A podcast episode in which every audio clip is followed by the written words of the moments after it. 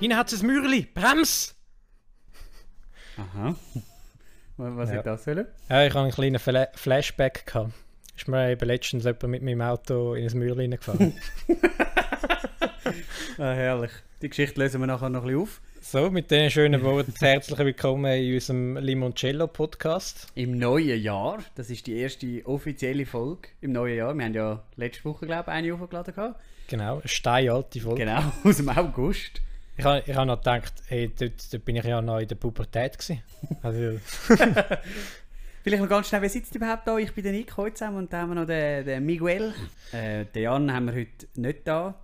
Ähm, ja, ich glaube, äh, es gibt einen Elefant im Raum. Den, den sehen jetzt die Leute natürlich nicht, klar, und es ist ihnen auch gleich, solange sie es nicht wissen, aber ich würde es gerne ansprechen.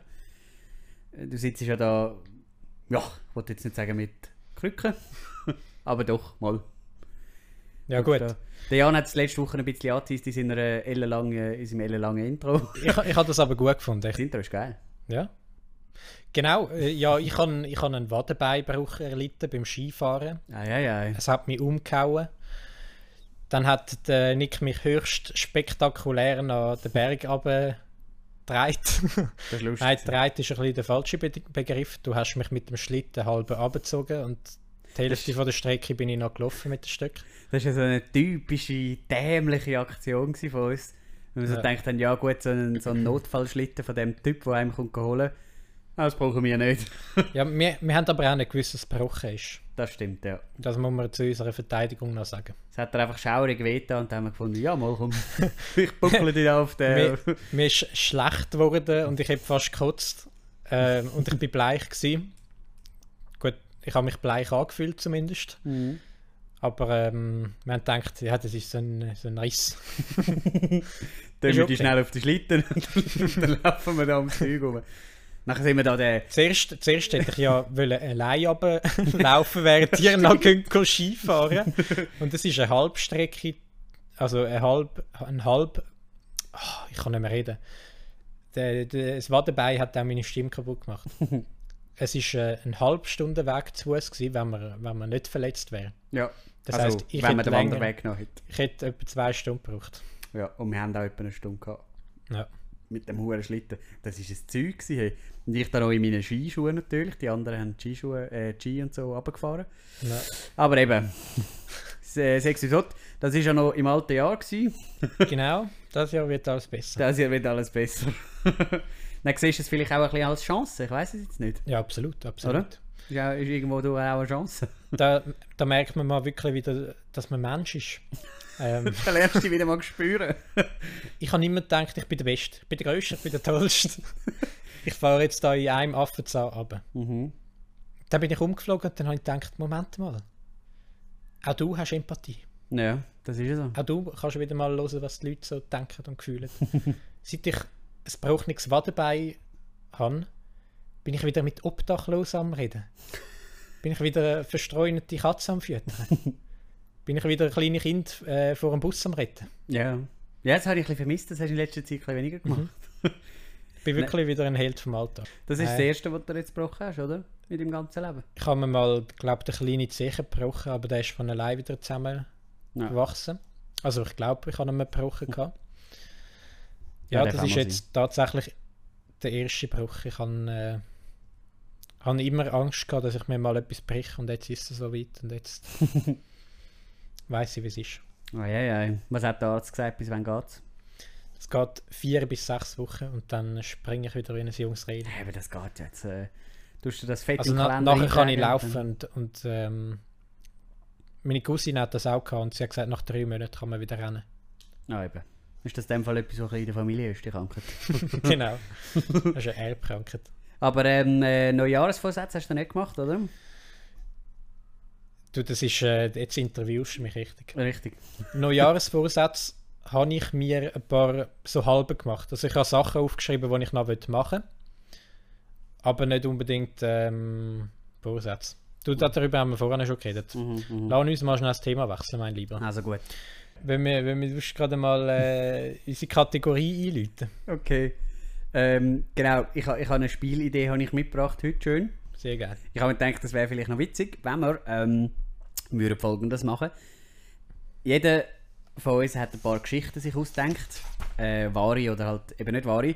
Und dann sagt man in einem Satz die Geschichte. Zum Beispiel, keine Ahnung, ich bin gestern fast vom Zug überfahren worden, habe es dann aber gerade noch geschafft, wegzuhechten oder irgend so etwas. Und nachher hat die andere Person eine Minute lang Zeit zum Fragen zu stellen und muss am Schluss nach dieser Minute sagen, mal, die Geschichte stimmt oder äh, glaube ich, glaube jetzt wirklich nicht, dass die stimmt. Nein, ich glaube, die Geschichte ist eben falsch. Das ist jetzt eben falsch.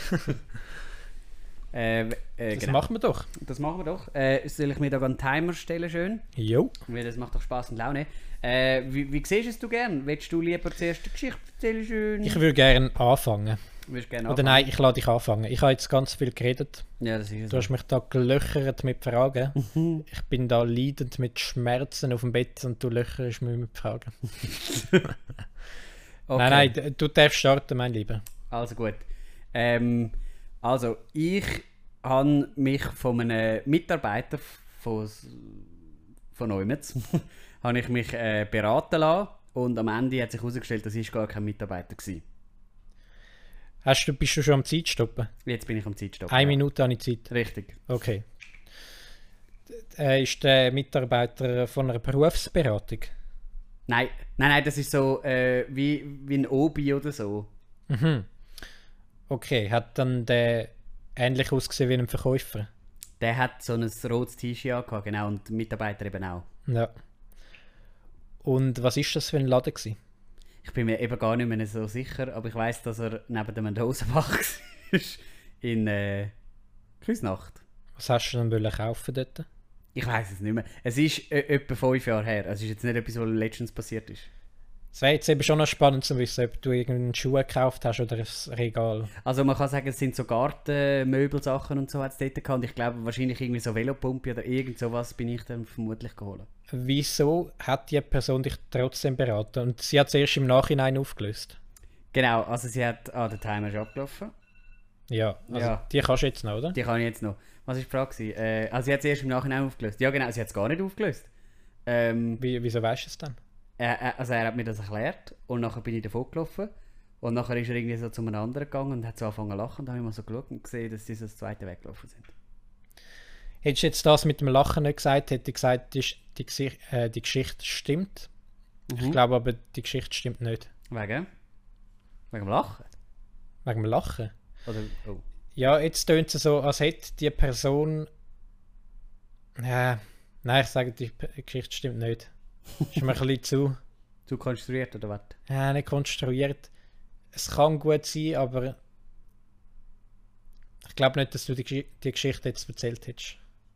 Okay. Ja, also ja. das Bauchgefühl. ja, ja, ist auch falsch. Falsch. Gebe ehrlich zu. Sehr gut. Ich kann dich lesen. Sehr gut.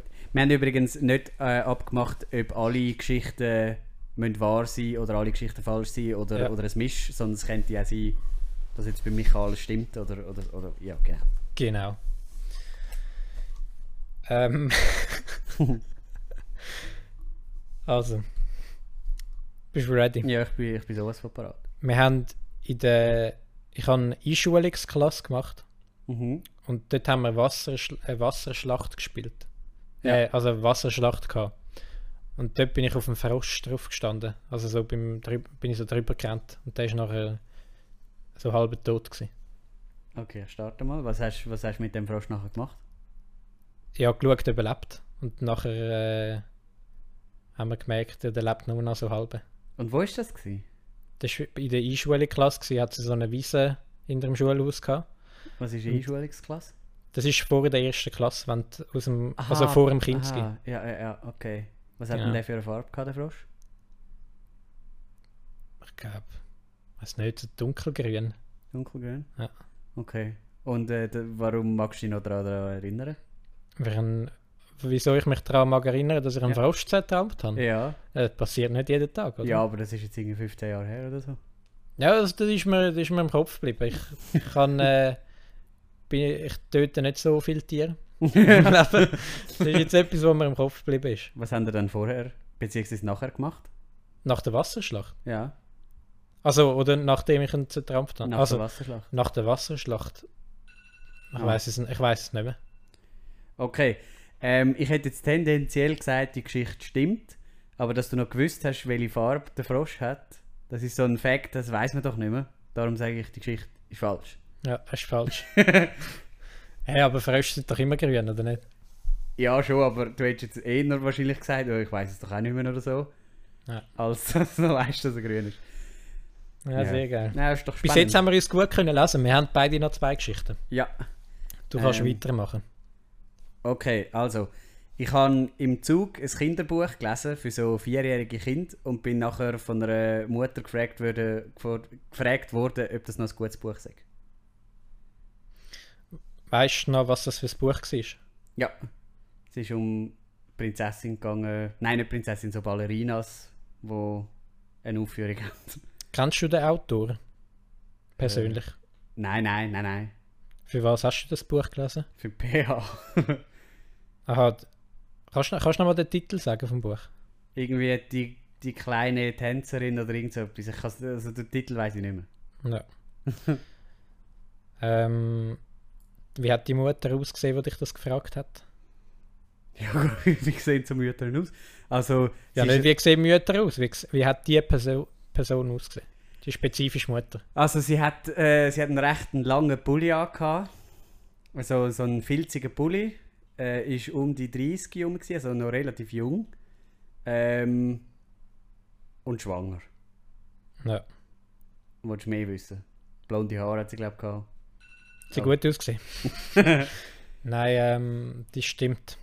Die stimmt, die Geschichte. Ja. Und woran machst du das fest? Also das mit dem Schwangeren, dass sie noch schwanger war, das ist eher ein Fakt dafür, dass sie nicht stimmt. Mhm. Aber eine Geschichte ist so eine, wo ich kann es mir gut vorstellen. Also einerseits musst du ja so Kinderbücher lesen, hast du mal erzählt. Dann, dass sie so lange, also so einen langen Mantel hat, also einen langen Pulli, das passt auch noch ins Schema rein. ja, ich kann es mir vorstellen. Ah ja, ist auch wahr. Sehr geil. Ich habe äh, das Buch... Ich will das also- Spiel gewinnen. das Buch habe ich müssen lesen für äh, den Unterricht, also für die PA selber. Wir haben dort müssen irgendwie nachher so Vo- Kurzvorträge machen, also völlig unnötig. Und dann habe ich mir natürlich ein Buch genommen, wo möglichst wenig Text ist. Und so gewisse Wörter sind einfach Bilder gewesen, anstatt Wörter. Und es hat so 10 Seiten gehabt, vielleicht, und ich habe das in zwei Minuten durchgehauen. Ich habe gar keinen Bock gehabt, da jetzt noch irgendetwas groß vorbereiten.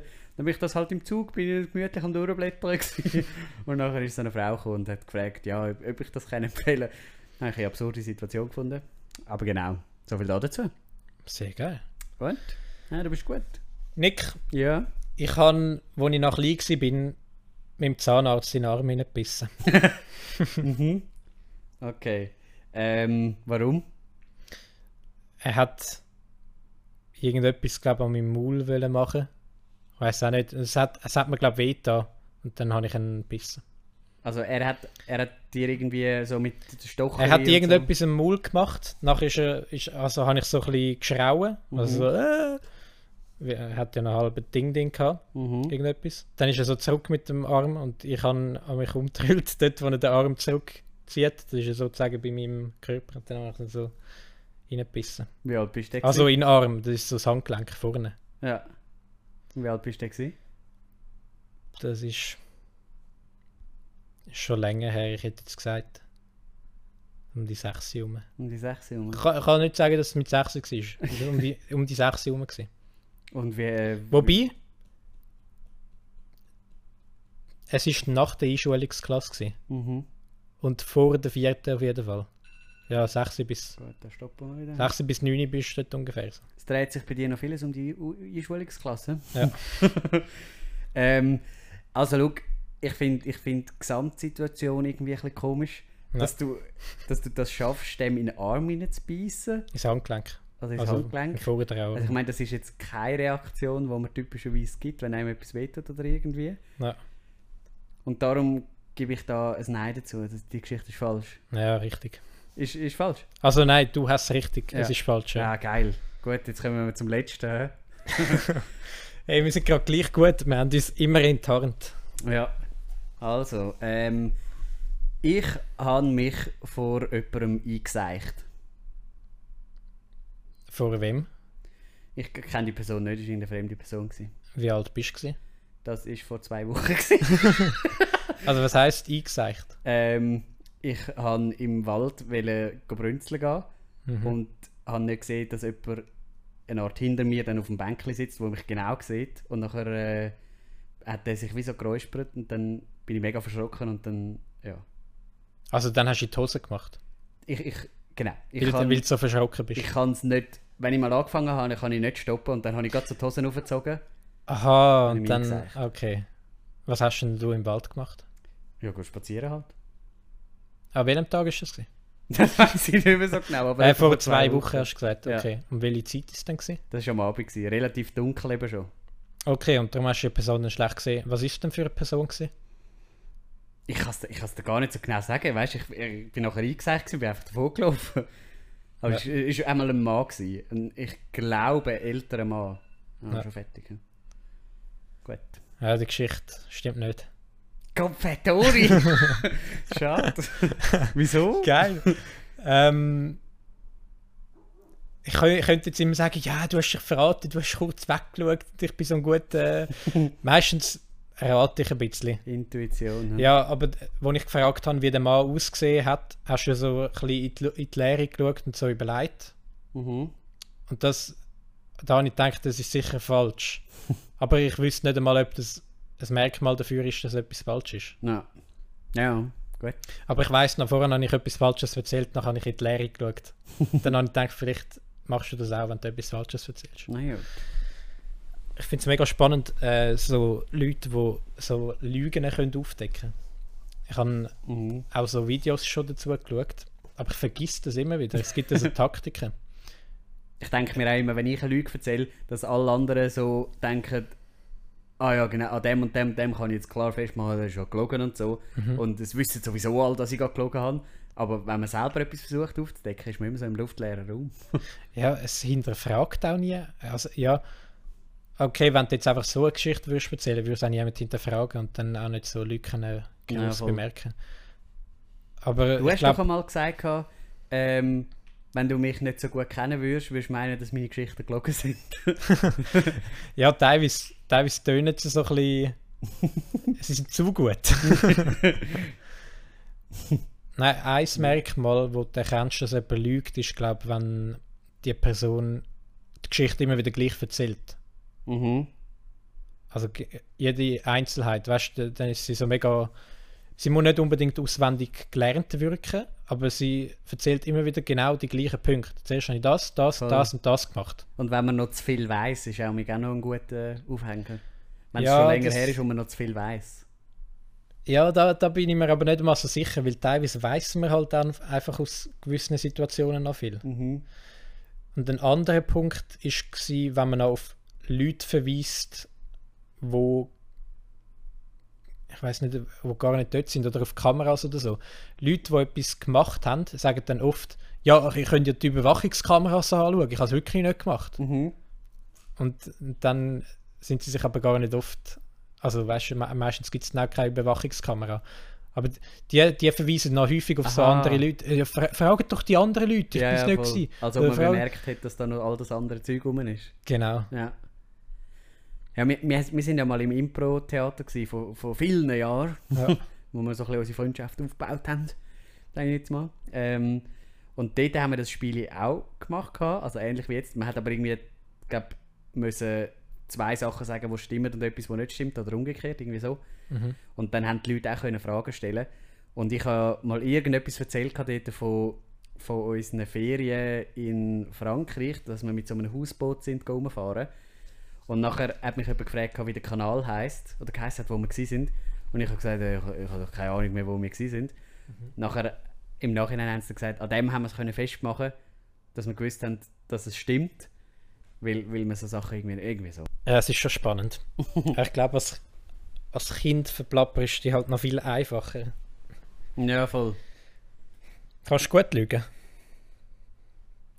Boah, es ist mega schwierig zu sagen. Ich glaube, es kommt mega auf die Situation davon. Wenn ich, also ich werde schnell nervös beim Lügen, das muss man ganz klar sagen.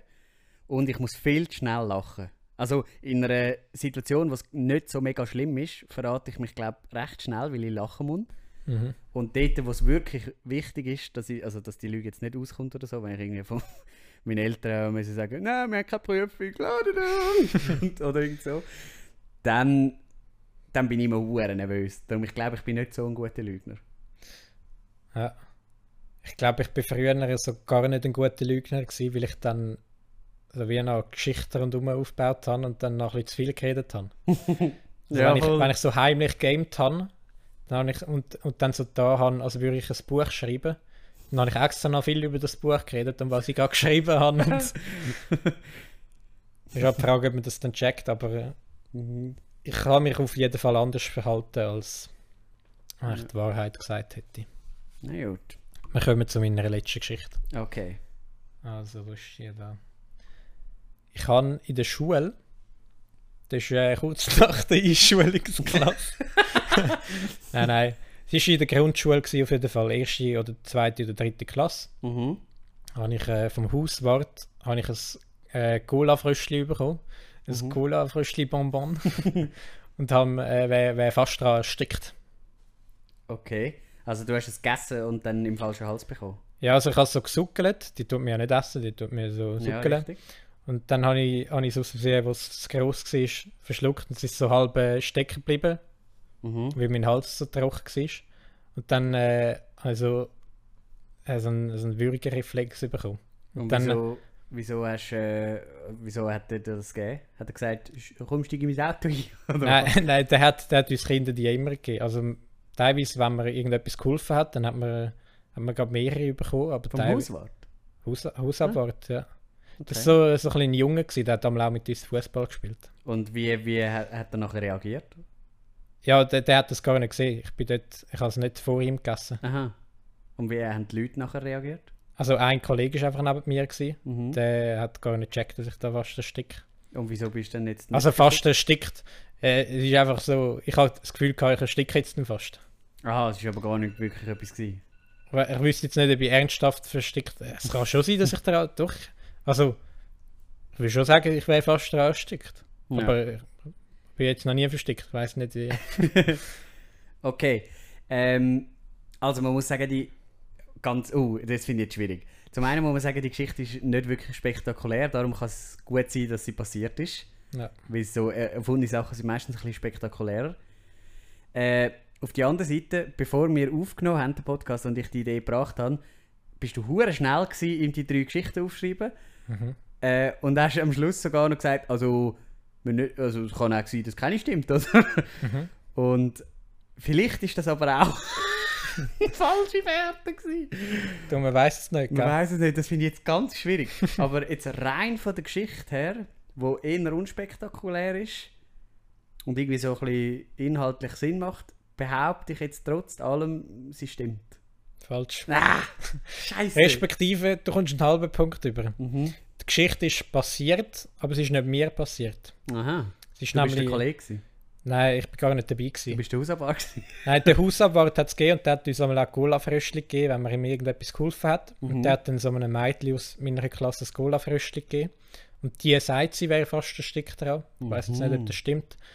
Und alle haben den Hausabwart einmal geliebt. Wir haben mit dem Fußball gespielt und so. und, und die Mädchen haben den auch mega geliebt und angehimmelt. Und nachher ist die Geschichte passiert und nachher hat sie irgendwie so gedrillt, dass er sie hat wollen umbringen mit dem. Also, ich, auf jeden Fall, alle Mädchen haben ihn nachher mega gehasst, weil sie fast erstickt wäre an dem Cola-Fröschli.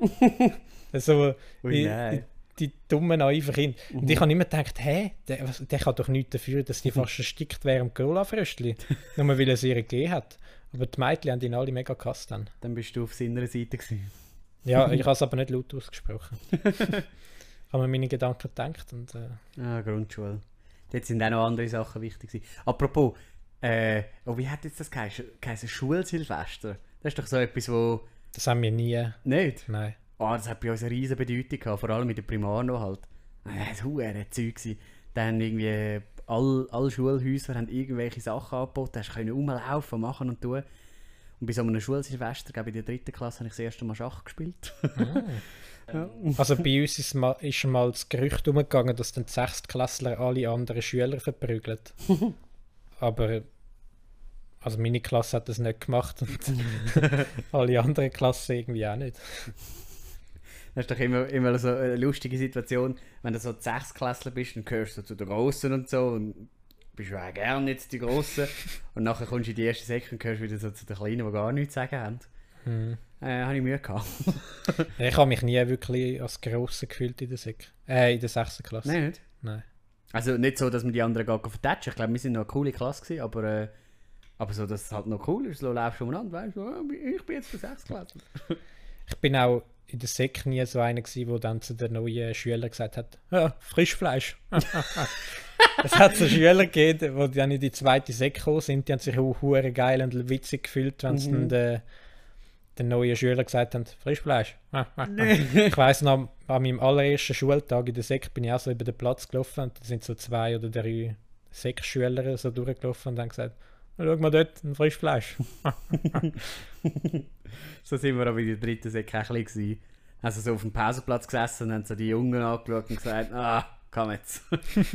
Dort wieder so einen kleinen und so, weil bei uns in der Säcke hat es eben auch, also die Schule hat fünfte Klasse bis dritte Säcke gehabt. Nachher so, das, das ist halt ein riesen Unterschied, wenn so ein Fünfklässler rumfurzt. Mhm. Wir haben zum Glück nicht mit denen zu Mittagessen gell? haben unsere eigene Mensa gehabt. Aber bei uns war auch mega uncool, gewesen, wenn, also ich weiß nicht, ob das bei allen so war, aber wenn ein Zweitsäckler mit einem Erstsäckler redet. Mhm. So mein, ein Kollege von mir, mein Nachbar, war in der zweiten Säck und ich bin in die erste gekommen. Und wir haben es mega gut gehabt und sind einmal go kick, go Kickboarden am Abend und haben immer geredet und so. Und dann hat er immer gesagt, ja, weißt du, äh, darfst du mir aber nicht übel nehmen, wenn ich dir einmal nicht Heu sage. und ich habe ich, ich es voll akzeptiert. Ich habe gesagt, ja, ja, klar, ist, ist ja logisch, dass mir der, der Junge nicht Heu sagt. Wäre mir auch peinlich. Ja, Aber, aber weißt du, mega viele andere Zweitsäckler haben den ersten Säckler einmal Heu gesagt und mit denen geredet. oh. Aber euch zwei war es unangenehm. Gewesen, ja. Also, Ja, mir wäre es ja nicht unangenehm gewesen, ich Mhm. bin ja der Jünger gewesen. Ja. Aber er hat, Er hat einen Ruf zu verlieren gehabt. Er hat, er hat so da, als wäre er der Coolste auf dem Platz. Vom Typ her eher ein unsicherer gewesen. er, Ja. ich kann es nicht sagen. Aber ich will jetzt da nicht zu deep in die Materie. Nein, natürlich nicht. Also ich meine, der, der, der lässt das ja wahrscheinlich jetzt auch. Oder? Genau. Ich meine, der Podcast hat doch ziemlich, ziemlich reichhaltig gewonnen jetzt über die letzten paar Monate. Aber sind wir ehrlich, in der Sek ist doch jeder unsicher. Wow. Also, was ich komisch gefunden habe, sind die, die irgendwie so das Gefühl haben, sie müssen da jetzt erzählen, was sie schon alles erlebt und gemacht und da haben. Aber das machen ja mega viele Sek-Schüler. Ja, das machen auch heutzutage noch viel. Naja, das finde ich mega unnötig. Aber damals glaubt man das halt alles so und denkt man so, Scheiße, ich habe doch noch keine Ahnung. und so. Ja, Ja, aber eben. ja nur. Kann passieren. Ja, wieder zurück ins Jahr 2022 gehen. Genau, ich habe ganz viele Filme übrigens geschaut, seit ich den, den Gips habe. Mhm. Ich wollte ein paar Filme. Soll, soll ich dir mal ablesen, was ich alles für Filme geschaut habe? Okay. Ich habe es mir mal aufgeschrieben, Mhm. weil es hat mich Wunder genommen, selber, wie viele Filme ich geschaut habe. Also wir reden jetzt von den letzten zwei Wochen. Genau, Jawohl. von den letzten zwei Wochen. So, ich schaue da gerade mal kurz. Notizblöckchen für Ja, mal kurz mein Blöckchen führen. Also Dexter als Serie ist ja schon mal dabei, das weißt Genau. Ey, es ist eine neue Staffel Dexter rausgekommen, das wollte ich auch noch ansprechen. so, das wäre jetzt mega Filmthema. Die ist ja so geil. Ich bin wieder voll drin. Leider kommen nicht alle Folgen auf einen Touch raus. Mhm. Das heisst, auf zwei bin ich noch war am Warten. Dexter ist ja die Serie, die der Micha in der letzten Folge empfohlen hat. Genau. Damals im August noch. Ich finde die so geil. Oh, apropos noch ganz einen kleinen Einschub. Ich habe ja in dieser Folge vom August gesagt, dass ich mein Amazon Prime Abo nicht schaffe zu künden. Ich Da also- sind, da sind wieder Dutzende Nachrichten dann reingegangen. Richtig. Und ich habe es also bis heute nicht geschafft.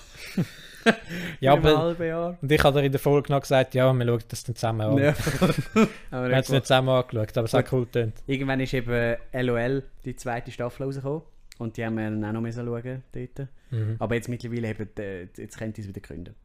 Es kommt dann bald die dritte Staffel raus mit Ja. dem Christoph Maria Herbst. Amazon Prime ist auch so der grösste Bullshit, den ich je gesehen habe. Das ist irgendwie so, wie, äh, sie, sie haben gewusst, ah, Netflix funktioniert gut, komm, setzen mal irgendwie sieben Informatiker an. Und ich meine, die wursteln jetzt einfach. Ich finde das so eine Dreckseite. Mhm. Aber eben, so viel. Aber da findest du nichts. Und dann, äh, manchmal gebe ich so einen Film ein, den ich gerne will schauen und nachher steht da irgendwie, ja, du kannst ihn für 3,50 auslehnen. Ah, dann musst du noch extra zahlen ja, dafür. ja, extra zahlen. Ich zahle ja schon das Monatsabo. Ja. Ich meine, was sind wir da? ja gut, das Film kostet auch einen Haufen Geld. Ja, aber, aber ich meine, bei Netflix funktioniert es auch. Es funktioniert sogar bei Sky. Es funktioniert bei Disney Plus. Ich habe ja jetzt Sky. Mhm. Das finde ich eine richtig geile Plattform, weil die haben Texte. ich habe auch ein paar Serien angefangen. Also ich habe den Film Monster geschaut. Sagt ihr da etwas? Nein, Monster AG, den kenne ich. Nein, Monster, das ist so ein Thriller-Drama. Ist ein mega gutes Schauspiel. Die Geschichte ist so mittelmäßig. kann ich so halb empfehlen. Ein Film, den ich richtig kann empfehlen ist Elephant. Kann ich auch nicht. Das ist so ein Drama. Das geht so um ein wahres Ereignis, so um ein Schulshooting. Mhm. Also, das war irgendwie 1987 oder irgend so ein Jahr. Gewesen. Und damals ist das noch nicht so ga- gang und gäbe gewesen in der Schule. nicht so äh, 0815 wie heute Ja. wo jeder sich daran gewöhnt ist. Und der Film ist aber nicht so, wie du dir jetzt wahrscheinlich vorstellst. Weil wenn, wenn du jetzt hörst, ja, es ist ein Amoklauf, ein Film darüber, dann hast du ein festes Bild eigentlich im Kopf, wie der Mhm. Film läuft. Und der, der Also Film... ich, ich habe jetzt, äh, wenn ich müsste sagen, dann würde ich jetzt sagen, der Film ist aus Sicht von der Jugendlichen und der Lehrperson, nein, vor allem der Lehrperson, wie sie Kind versteckt und so. Nein, es ist eben immer aus anderen Perspektiven von anderen äh, Schülern. Und die werden immer so mit der Kamera verfolgt. Mhm. wie so von einem unsichtbaren Verfolger. Aber nur so, also weißt du, nicht mega intensiv. Also du siehst jetzt nicht wirklich großes Gespräch von den Schülern, sondern du hörst so Gesprächsfetzen und du weißt, über was die reden und so. Mhm. Die Kamera ist wie so ein Geist, der mitfliegt und dann werden wieder andere Schüler aus anderen Perspektiven verfolgt Mhm. wo aber wieder andere Zeitzonen und so. Und der Film ist recht kalt, aber du kannst dich trotzdem recht gut in die Figuren hineinversetzen. Und also es wird jetzt nicht die ganze Zeit Schulshooting gezeigt. Es ist auch vieles davor. Ach so. Aber wie hätte es können dazu kommen? Ja, du siehst ja so den Tag davor und das ist so. Du denkst noch lange über den Film nach. Also den kann ich Ja. empfehlen, das ist gut. Naja. Ich habe auch sehr viel Schrott geschaut. Unfassbarer Schrott ist die neuen Pforten mit dem Johnny Depp. Wir auch nicht. Richtiger Schrott. Free Guy habe ich angefangen. Interview mit einem Vampir, kennst du Ja. den? Ist mit dem, äh, mit dem Brad Pitt und dem Tom Cruise. Mhm. Ist auch nicht so gut. Sleepers habe ich geschaut. Mhm. Das ist ganz okay. Cube habe ich geschaut. Mhm. Ist auch noch easy. Dann habe ich die Serie Who is America. Leck, hast du viel geschaut. Ich habe richtig viel geschaut. Die habe ich geschaut. Das ist auch ganz okay. Mhm. Ich habe mega viel geschaut, was nur ganz okay ist. Ähm, ja, das ist. Dann habe ich noch ein paar einzelne Folgen von Serien geschaut. Also das heißt, im Großen und Ganzen bist du nicht so zufrieden mit deiner Ausbeute. Ja, mich hat nur Elephant überzogen, der Ja. Film. Und Monster habe ich auch noch gut gefunden. Okay. Also, okay. ich habe ja, Ja. Joker geschaut. Ah, die Joker habe ich auch Ja. geschaut. ja, stimmt. Wir ja, haben ja find's- lang, lang all davon geredet und ich habe mir gedacht, meine Güte, weil es hat mich so, es hat mich so, kennst du das, wenn, die, wenn alle von etwas reden, nachher willst du es aus Prinzip nicht mehr schauen. Ja, und vor allem, vor allem, wenn die Leute dann nicht mehr darüber reden, dann erst recht nicht, weil dann ist der Zug auch noch gerade abgefahren. Ja, voll. Und Hast du, darum- gell, es gibt nur fünf Folgen. Ja, Und, und die hört, also hast du alle geschaut? ich bin, ja, ich bin so selbstsicher, bin ich angesessen und so, so richtig überlegen gefunden, also komm, wenn nicht alle davon reden, meine Güte, dann schaue ich halt einmal die erste Hälfte von der ersten Folge. So, habe ich, habe ich das Video reingemacht und äh, am, am, am selben Abend alle fünf Folgen geschaut. Ich muss sagen, mal, also es gibt gewisse Sachen, die mich grauenhaft aufgeregt haben, aber so im Großen und Ganzen habe ich, habe ich es eigentlich noch cool gefunden.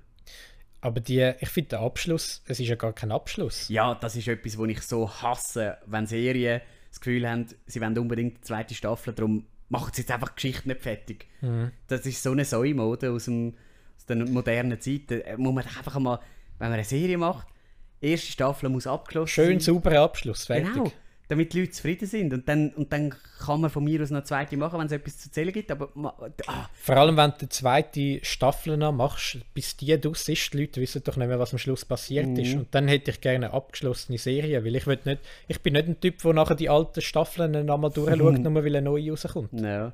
Und so kann man jetzt sagen, gut, die erste Hälfte von der ersten Staffel ist rausgekommen, aber sicher nicht, das ist jetzt eine Staffel. Nein, eine Staffel Nein, ist fertig, wenn die Geschichte fertig ist. Ja. Ähm, wir haben ganz am Anfang, hast du noch etwas erzählt von einem Autounfall? Ich glaube, jetzt müssen wir gleich langsam auf das zu sprechen kommen. Was meinst du? Ja. Sonst wird willst ja du, willst du mal erzählen, wie du die Geschichte erlebt hast, aus deinen Augen? Uff, wie habe ich die Geschichte wahrgenommen? Ja, zuerst mal vielleicht, wie ich der Jan im Allgemeinen war. Ein guter Freund. Etwas kann ich nicht und das ist Autofahren. Nein. Da bringst ähm, du ziemlich auf den Punkt. Also, er, er kann es schon, aber er erlebt sich noch gerne mal so ein bisschen lustige Fälle. Ich wollte jetzt gar nicht auf dem Jan rumhacken, weil ich finde, das, ich find, das geht, geht die Öffentlichkeit auch nicht an.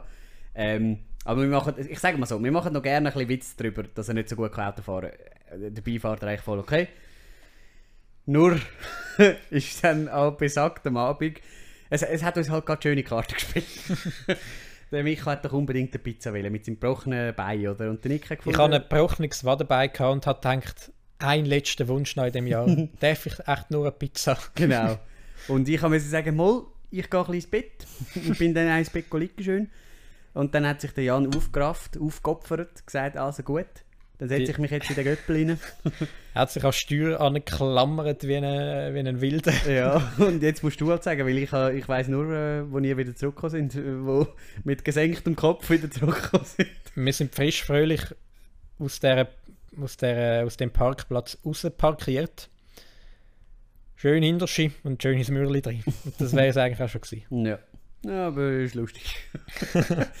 genau, wir, wir haben wir es eigentlich nicht wollen erwähnen, wir, wollen Jan da wirklich nicht bloßstellen, aber mhm. da er das im Intro von der letzten Folge erwähnt hat, haben wir gedacht, wir müssen das auch noch auflösen. Was Voll. hat er sonst noch erwähnt? Eben missbrochene Bein, dann hat er noch das Bankkärtchen erwähnt. Gehabt. Richtig, hat er eine Bankkarte verloren, da kann man auch nicht mehr sagen, als das, was gesagt wurde. So far, so gut. Ja. Oh, ähm, wir haben ja deine Ski abgegeben Mhm. Und sind nachher das dritte, also ohne Micha, sind wir dann äh, halt noch ein bisschen gefahren und dann sind wir den ganzen Berg rauf, also all, all Bändli, Luftseilbändli sind wir raufgefahren und da oben habe ich so gemerkt, ich komme ja gar nicht in meine rein. Dann habe ich gemerkt, ah, wir haben meine abgegeben, gar nicht an Micha sein. dann bin ich den hohen Berg wieder drauf und das ist glaube ich das erste Mal jemals, wo ich mit einem Bändli den Berg runtergefahren bin und nicht rauf.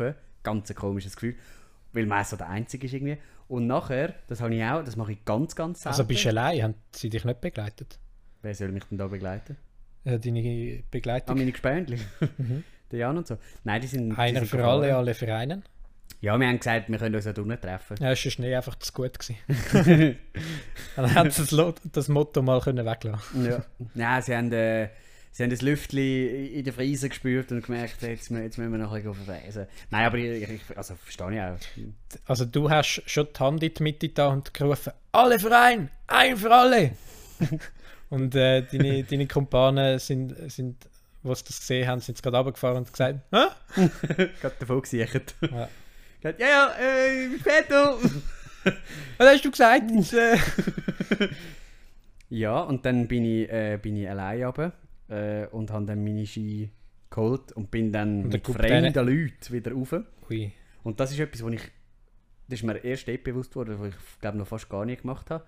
In einer Band drin sitzen mit anderen Leuten, die ich gar nicht kenne. Das habe ich noch nie gemacht beim Skifahren, glaube ich. Das habe ich in der Skischule immer gemacht. Ja gut, das sind andere Zeiten. Mhm. Aber äh, was der Jan und ich noch ausprobiert haben, da hat der Michael leider schon sein Bein gebrochen. Mhm. Wir sind äh, auf so einem Sechser-Sessel-Lift äh, gesessen und haben einfach angefangen, irgendeinen Scheiß zusammenschnurren. Und so die vier anderen Leute, die da waren, die haben so, am Anfang haben sie auch noch geredet und irgendwann sind sie einfach leise geworden, haben uns zugelassen, so unbemerkt halt. Äh, und dann haben sie irgendwann sogar müssen lachen wo wir irgendetwas Dummes gesagt haben. Das war mega geil. Gewesen. Wir haben irgendeinen Scheiß zusammengeschnurrt. Das haben wir ja letztes Jahr auch schon gemacht. Mhm. Aber, dort, aber, ich glaube, letztes Jahr haben sie so übertrieben gehabt, dass man es gar nicht mehr hat können glauben groß. Ja. Gut, wir haben auch davon geredet, irgendwie, dass wir jemandem die Suppe über den Kopf geklärt haben und nachher hat der mhm. am anderen eins getatscht und darum ist er jetzt nicht da und so. Ja, das liebe ich einmal am meisten, also Skiferien. Mhm. So Leute sieht man nie wieder. Man kann eigentlich eine richtige Dümme tun. Mhm. Das war cool. Gewesen. Hm. Hat auch nicht so viele Leute gehabt. Savonin sowieso noch ein schönes Fleckchen Erde. Mhm. Aber eben, so viel zu dem, wo wir sowieso beide miterlebt haben. Zu, zu den schönen Skiferien. Ja. Hast denn du sonst noch etwas Tolles erlebt? Wo dann abseits, wo der Piste noch passiert ist? Puh, ich glaube nicht so. Ja, die Leute, die Leute fragen sich sicher, warum ich jetzt in der letzten, also wir haben ja eh mega wenig Folgen gemacht jetzt in letzter Zeit und die letzte, die es gegeben hat, sind ja auch nur der Jan und du gewesen. Mhm. Ich bin da jetzt schon lange nicht mehr dabei gewesen. Äh, ja. Das ist Begründung. ja. Noch nicht so Zeit gehabt, gell? ja, Aber du bist ja extra, um eine gute Folge können produzieren auf Neuchâtel runter. genau. Oder Fribourg. Fribourg. Ist das noch ein schönes Fleckchen Erde? Äh, das Wetter war recht grusig. gewesen. Also ich habe hab mit dem Jan zusammen die Folge aufgenommen. Ja, das dann- äh, wissen wir ja alle. Und dann bin ich wieder heim. ah, wirklich? Nein, nein, nein, nein, nein. Mhm. Nein, wir sind dann in die Stadt gefahren. Das der voll geglaubt. das wäre witzig. Da, da hast du mir die Lügengeschichte wieder geglaubt. Richtig. Wir sind in die Stadt und ich weiß, heißt, heißt es Vapiano? Nein. So, so eine Spaghe Spaghetti-Bar. Da. ganz schnell, ich, drehe ich es aber am Jan nicht zu. Und das ist nicht so nach dem Podcast aufnehmen. Ja, jetzt wirklich auch viel zu tun noch. Ich habe wirklich keine Zeit mehr. Muss ich wirklich da noch ein bisschen scheffeln. Ich muss Unterricht planen. ähm, genau, nein, wie heißt die, die Pasta, die Pasta Bars da? Pizza Ist Pasta Ciao. Nein, es Nicht. ist so ein mega dummer Name. Vapiano. Nein, nicht Vampiano. Eine weiter. Was? Vampiano? Eine weiter. Das weiss Vapiano. Ähm, äh, Cink. Nein. Oh, dann weiß ich auch nicht. Hey, es gibt doch einen mega dummen Namen. So eine italienische. Oder vielleicht ist es sogar der Vapiano gewesen. Mhm. Vampiano. Nein, ohne das M. Vapiano. Ja. Wir sind auf jeden Fall noch. äh, Ich habe eine gute Spaghetti Carbonara mir gegönnt. Nein, das hat wirklich Spaß gemacht. Und wir haben, äh, sind schön am Feuerli dort. Äh, es war so Oh. schön eingerichtet. Gewesen. Mhm.